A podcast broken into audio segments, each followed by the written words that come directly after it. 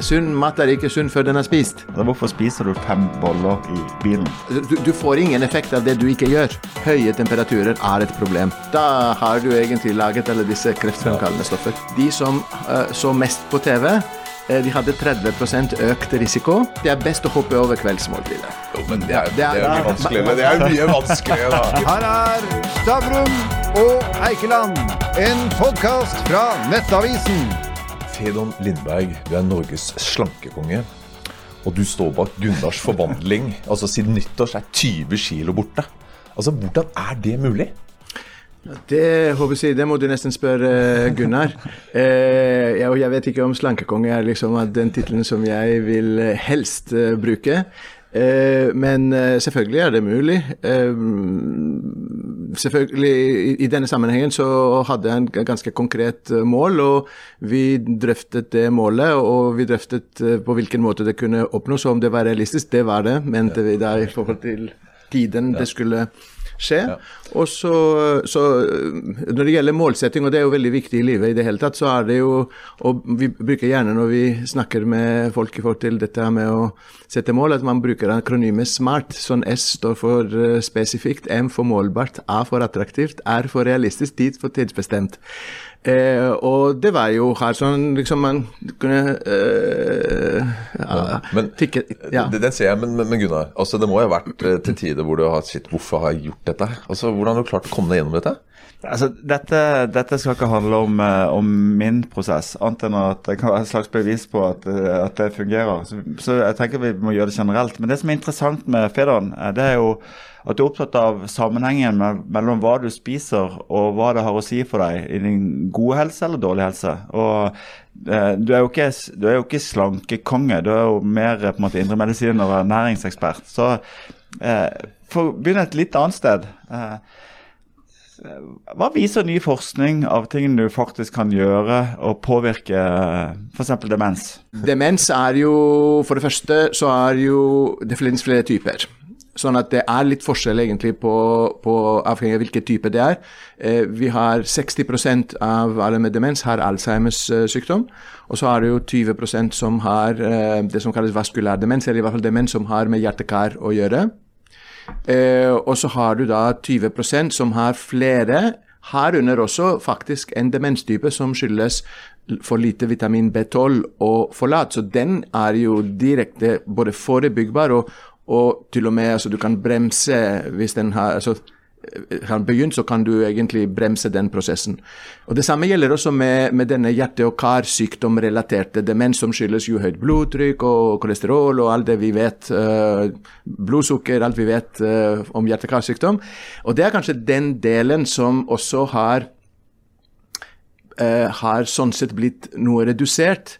Eh, fordi man har, det er færre som røyker, og, og det er blitt med flere medisiner eh, i forhold til hjerte-karsykdom. Men Alzheimers, den Og så spiser vi sunnere.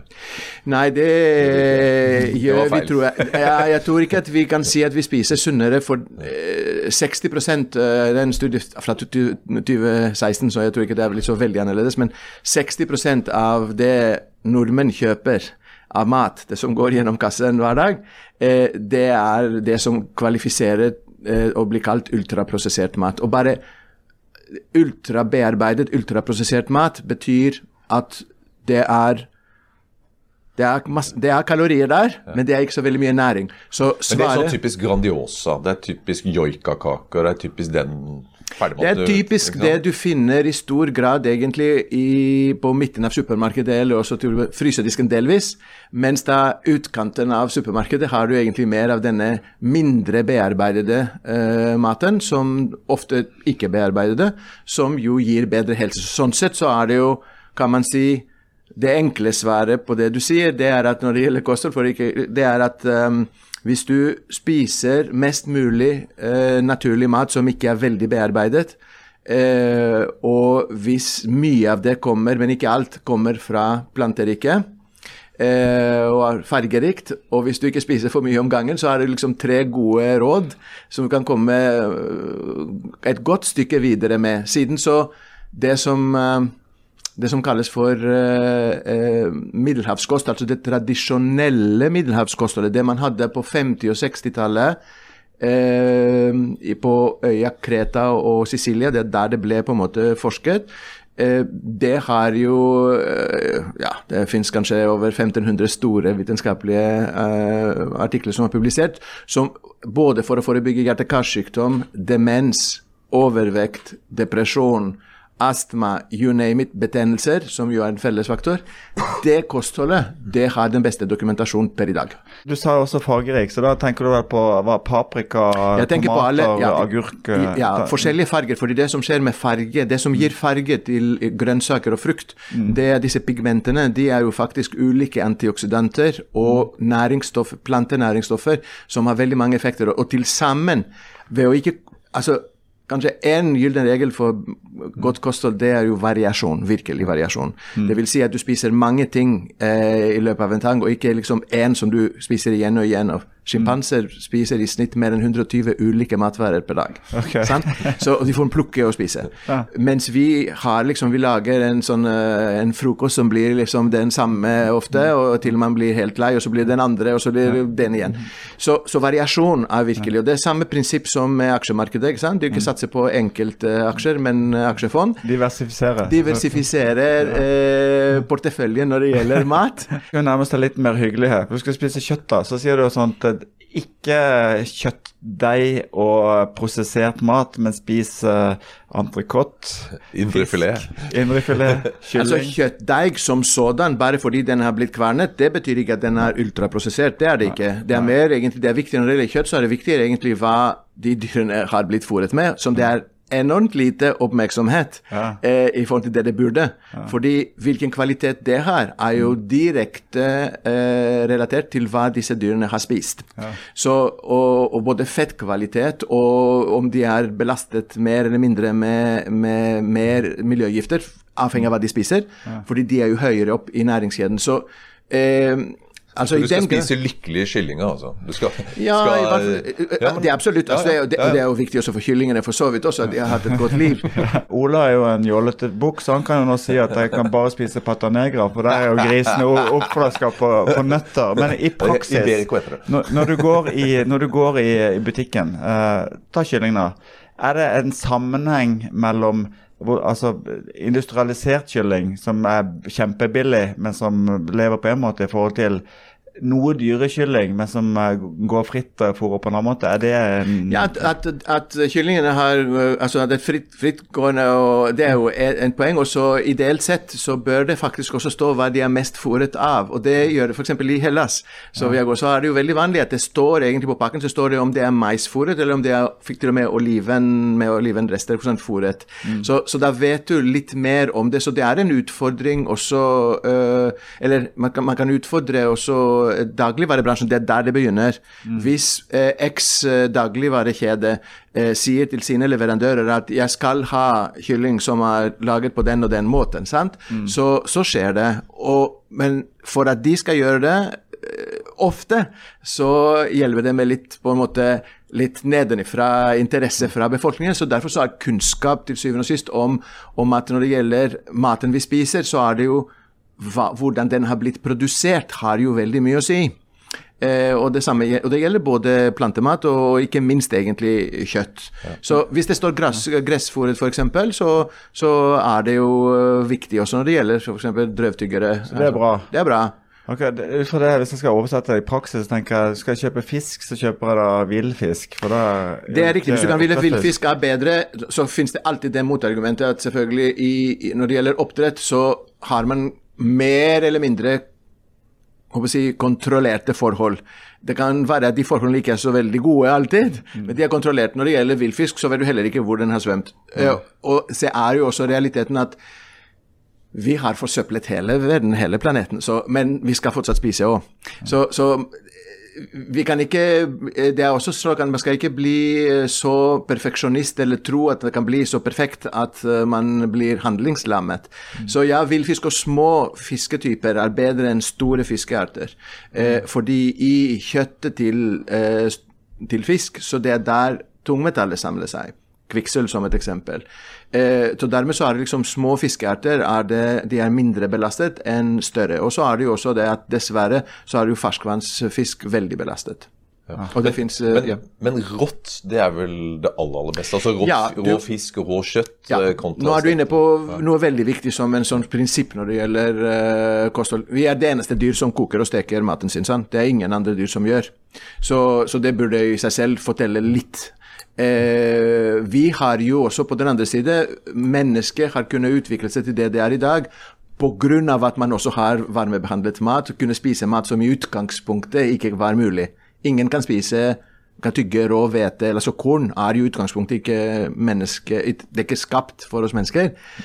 Eh, men det som vi kan si, det er at tempe, høye temperaturer, være seg i produksjon i industrien eller, til, eller hjemme, fordi, og det vil si det siste er kanskje ofte et problem, høye temperaturer er et problem. Det ødelegger veldig mange ting av det som er viktig i maten, og belaste det med, med stoffer som uh, vi vet over tid kan være bl.a. Som andre ord, uh, kvernet indrefilet med tartar og sånt, og med blanda inn litt løk og sånt, og det det er sunt. du må gjøre det på en hygienisk måte, i hvert fall sånn at ja, du ja, ja. du ikke var det Også, Og, det samme gjelder fisk. Fisk kan vi også spise i, i rå tilstand. Ikke Men ikke svidd. Uh, Nei, Nei. det er jo det. Når det, når det først har fått på en måte eh, sånn veldig mørk farge eller eh, sort, da har du egentlig laget alle disse kreftfremkallende stoffer. Men noe av dine prinsipper også, det går på at du skal spise mindre, men oftere. Ikke sant? Er ikke det riktig? Ja, da vil jeg jo også si at det har jeg sagt, og det må jeg liksom uh, endre litt nå, fordi det har kommet ny forskning, og sånn er det jo bare, at man må bare følge med. Uh, det, uh, nå har jeg aldri egentlig anbefalt å småspise, men jeg har jo anbefalt å ha flere måltider.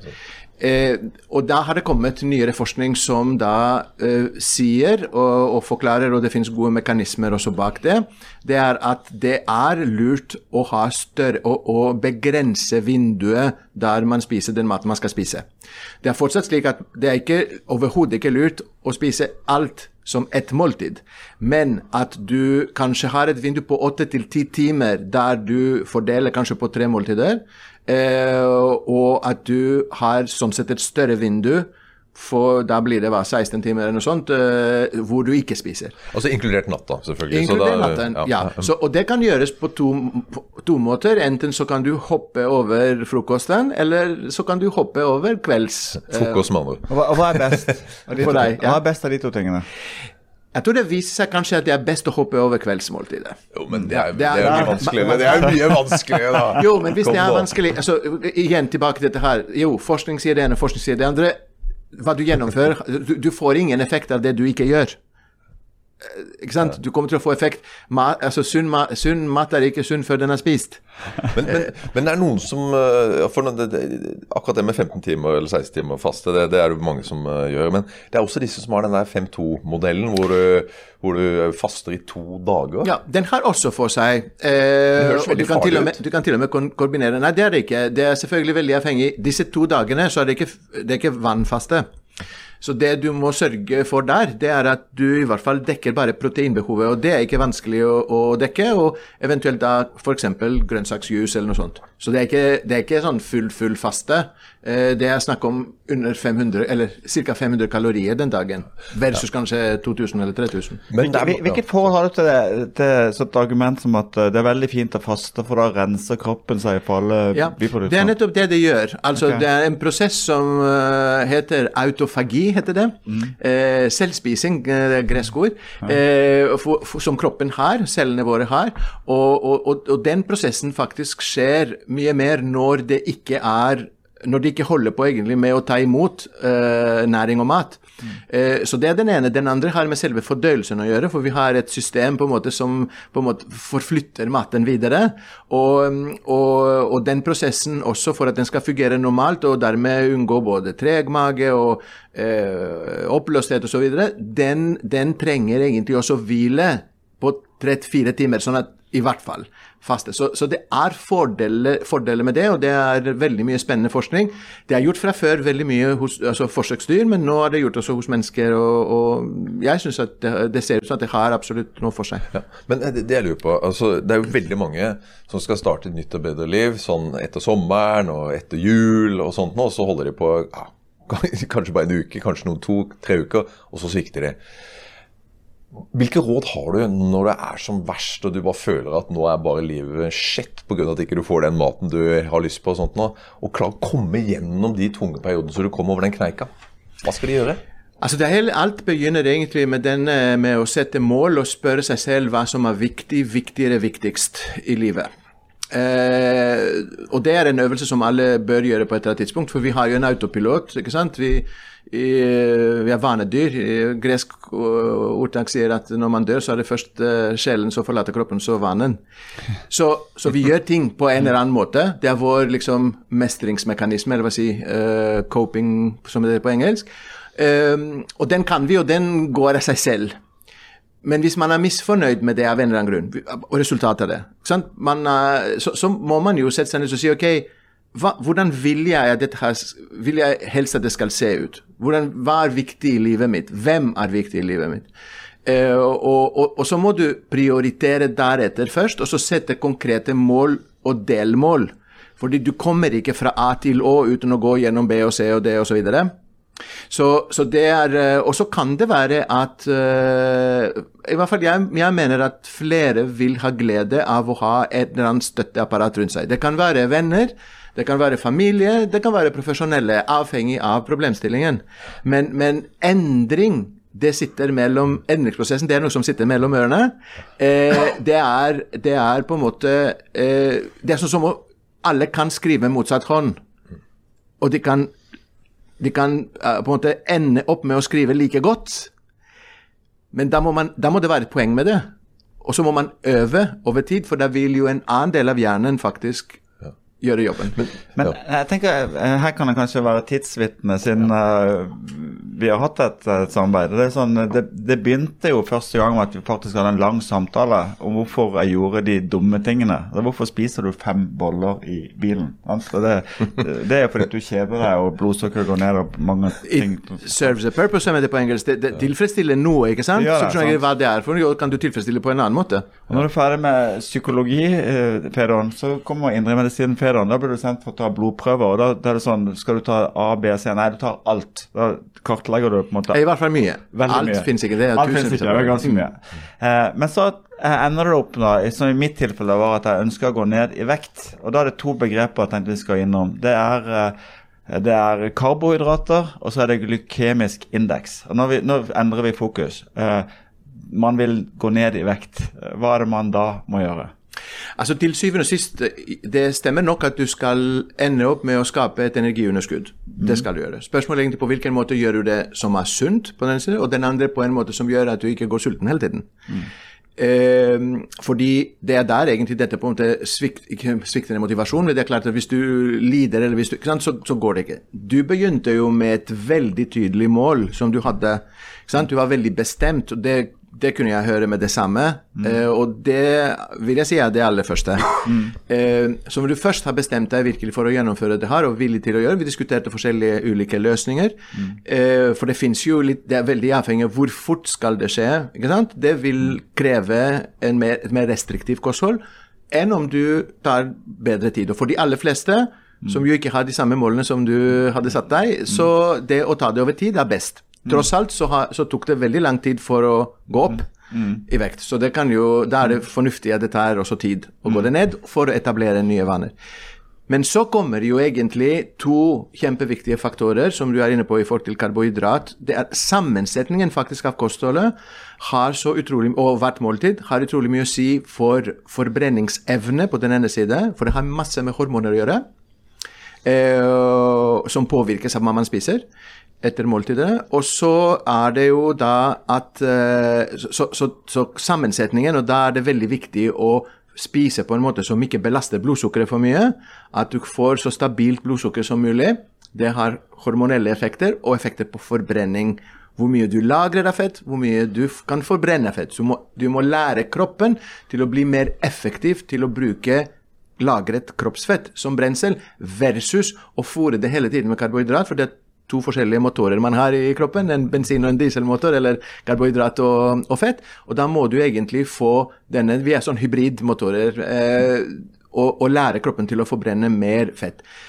så er det jo en annen viktig faktor at, eh, at eh, raske karbohydrater er ofte bearbeidede matvarer hvor mye av fiber og andre viktige næringsstoffer er borte.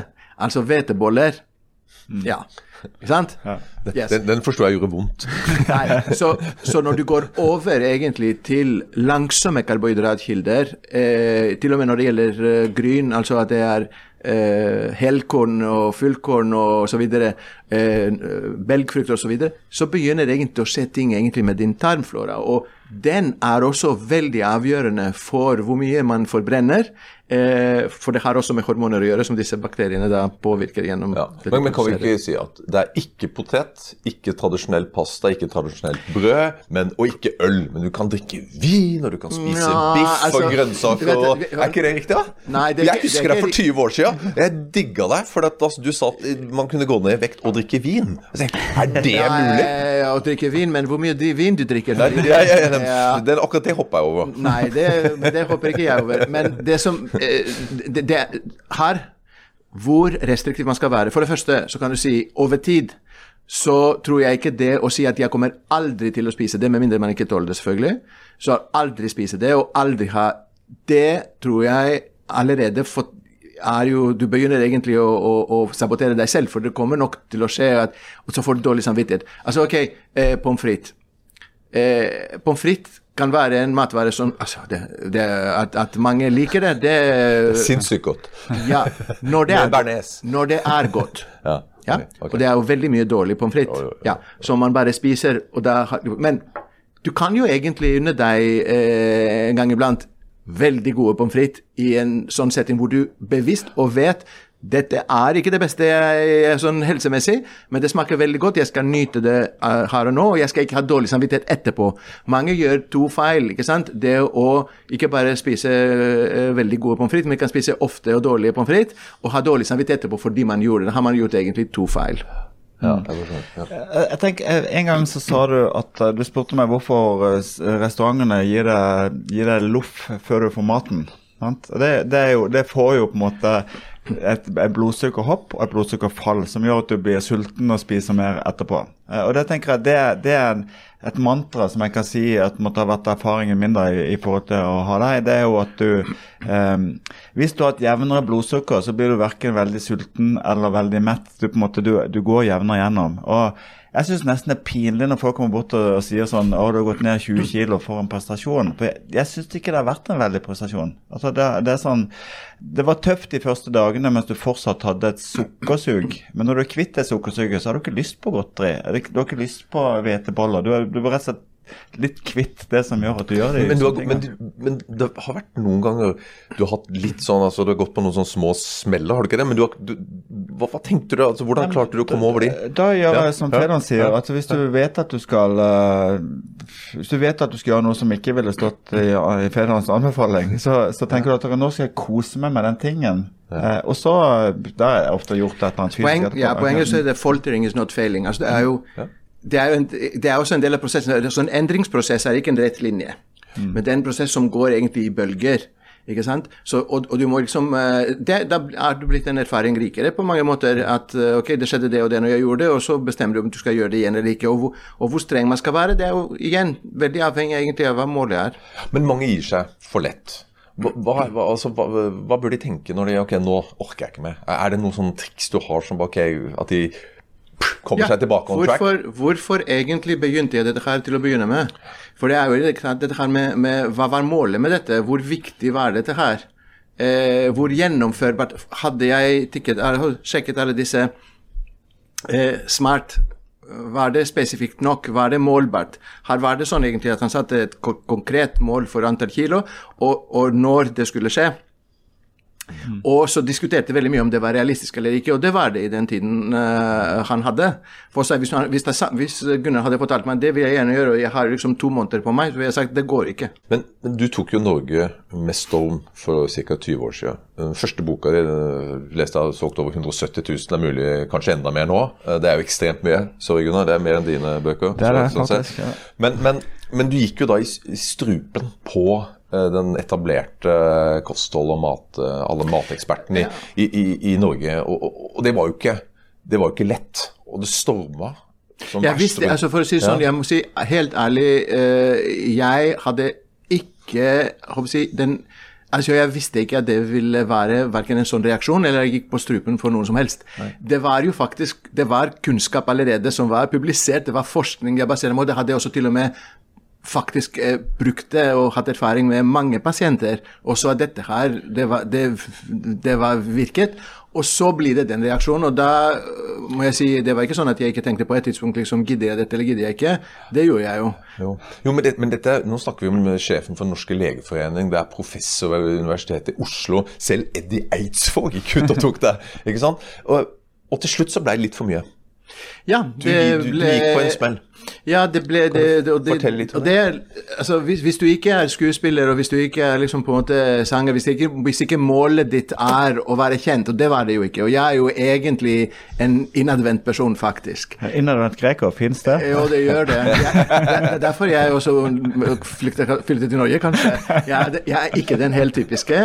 Ehm, så, så, så kan du si at eh, det, det ble for mye.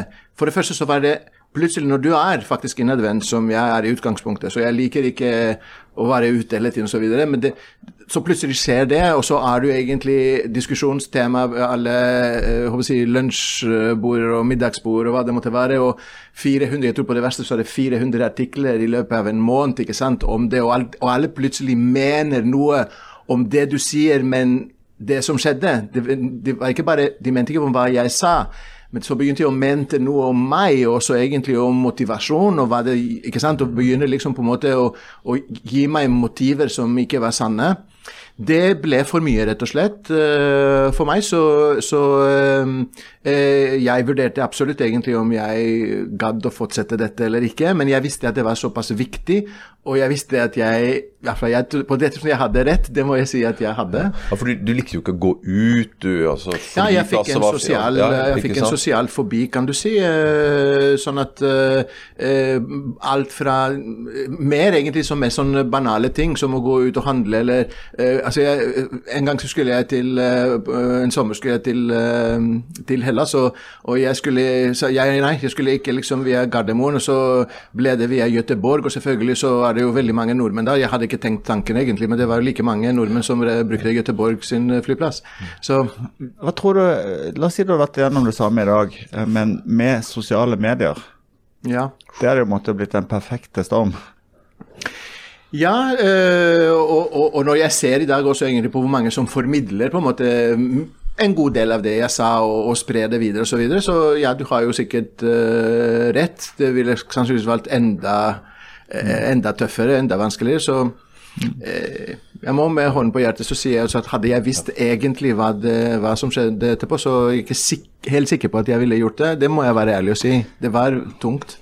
Men du, Vi er blitt gamle folk, men ikke la oss glemme demensen. Jeg tenkte også gå inn litt inn på landing. For det, du, det har kommet ny forskning som viser sammenhengen mellom fjernsynsseing, PC-lesing og demens. Hva viser resultatene?